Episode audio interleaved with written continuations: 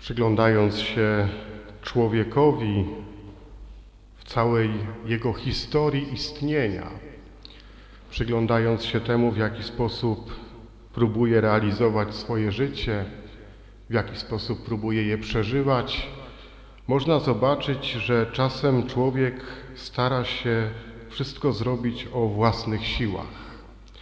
Czasem stara się być samowystarczalny. Czasem próbuje osiągnąć pełnię, osiągnąć szczęście, zbudować jak najlepsze życie, tylko o własnych mocach, o własnych siłach. Nasze czasy są chyba najmocniejsze, jeżeli chodzi o całą historię człowieka. Właśnie w takim podejściu.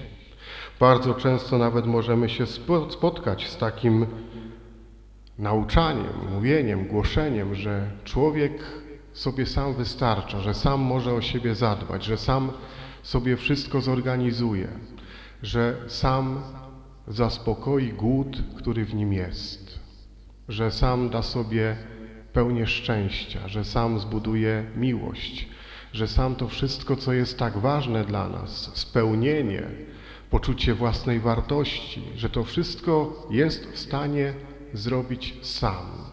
I pewnie gdybyśmy dobrze się przyjrzeli, to wiele razy może sami na tym się złapaliśmy, że próbujemy samemu zaspokoić jakiś wewnętrzny głód.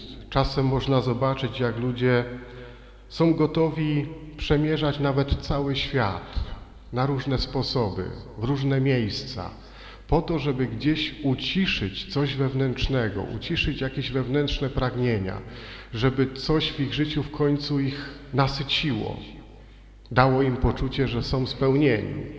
A potem, kiedy się słucha, nawet po wielu latach, okazuje się, że każdy kolejny osiągnięty cel nie dał tego, nie zapełnił tej głodu, który jest w człowieku, nie sprawił, że człowiek stał się nasycony. I mówię o tym dzisiaj dlatego, bo na taką postawę człowieka dzisiaj odpowiada Jezus. To, co Jezus robi dzisiaj Filipowi, byśmy powiedzieli, wystawiając go na próbę. To, kiedy pyta go, gdzie kupimy chleba, aby oni wszyscy się nasycili. Zaraz potem Ewangelia dopowiada, że Jezus wiedział, co ma czynić.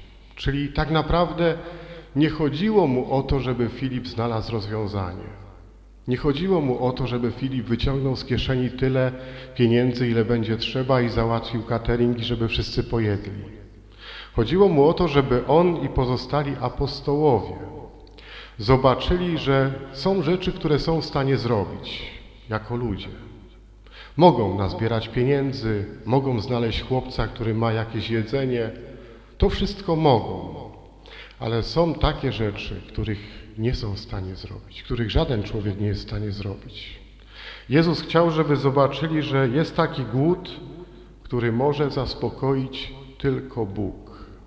Że jest takie pragnienie w człowieku, na które odpowiedzią jest tylko On. I nie ma innej drogi, nie ma innego sposobu. I cały ten cud rozmnożenia chleba to łamanie i dawanie człowiekowi z pięciu chlebów i dwóch ryb po to, żeby zjadło pięć tysięcy mężczyzn, nie licząc kobiet i dzieci. To jest po to, żeby pokazać, że Bóg jest w stanie każdego nasycić. Tam jest wprost powiedziane, że jedli do sytości, że już nie czuli głodu, że już nie musieli szukać, że już znaleźli to, co daje spełnienie. I warto na to spojrzeć z takiej strony, bo dopiero wtedy odkrywamy, czym jest Eucharystia, czym jest to nasze spotkanie dzisiaj tutaj, kiedy zasiadamy do stołu razem z Jezusem, czym jest to łamanie przez Niego chleba, czym jest to dawanie człowiekowi pokarmu, słowa własnego ciała. To jest nasycanie człowieka, zapełnianie tego głodu, który jest gdzieś w nas. Głodu sensu życia, głodu poczucia wartości, głodu życia, które jest pojednanie, bo przebacza, głodu życia, które ma wartość, cel, głodu miłości, głodu ocalenia, zbawienia, poczucia tego, że jestem faktycznie kochany. To jest Eucharystia. To jest właśnie to miejsce, gdzie Jezus dzisiaj dla nas w taki sposób łamie chleb, po to, żeby stać się odpowiedzią, żeby stać się pokarmem, żeby nasycić. Tak byśmy już nie musieli szukać. I jeżeli chcemy, żeby tak była, takie miejsce w naszym życiu miała Eucharystia, żeby tak w nas działała, żeby tak nas napełniała, to trzeba zadać sobie to trochę trudu. To trzeba siedząc przy tym stole się zaangażować, brać w tym czynny udział. To trzeba się skupić na tym, co się dzieje. Bardzo mocno się skupić, po to, żeby usłyszeć słowo, które mówi Jezus, po to, żeby dostrzec znaki, które wykonuje, gesty, którymi do nas mówi.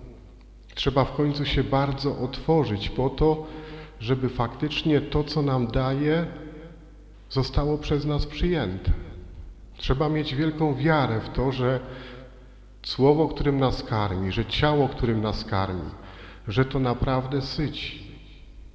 Zachęcam, moi drodzy, do tego, żebyśmy szukali takich spotkań przy stole, którym jest Eucharystia.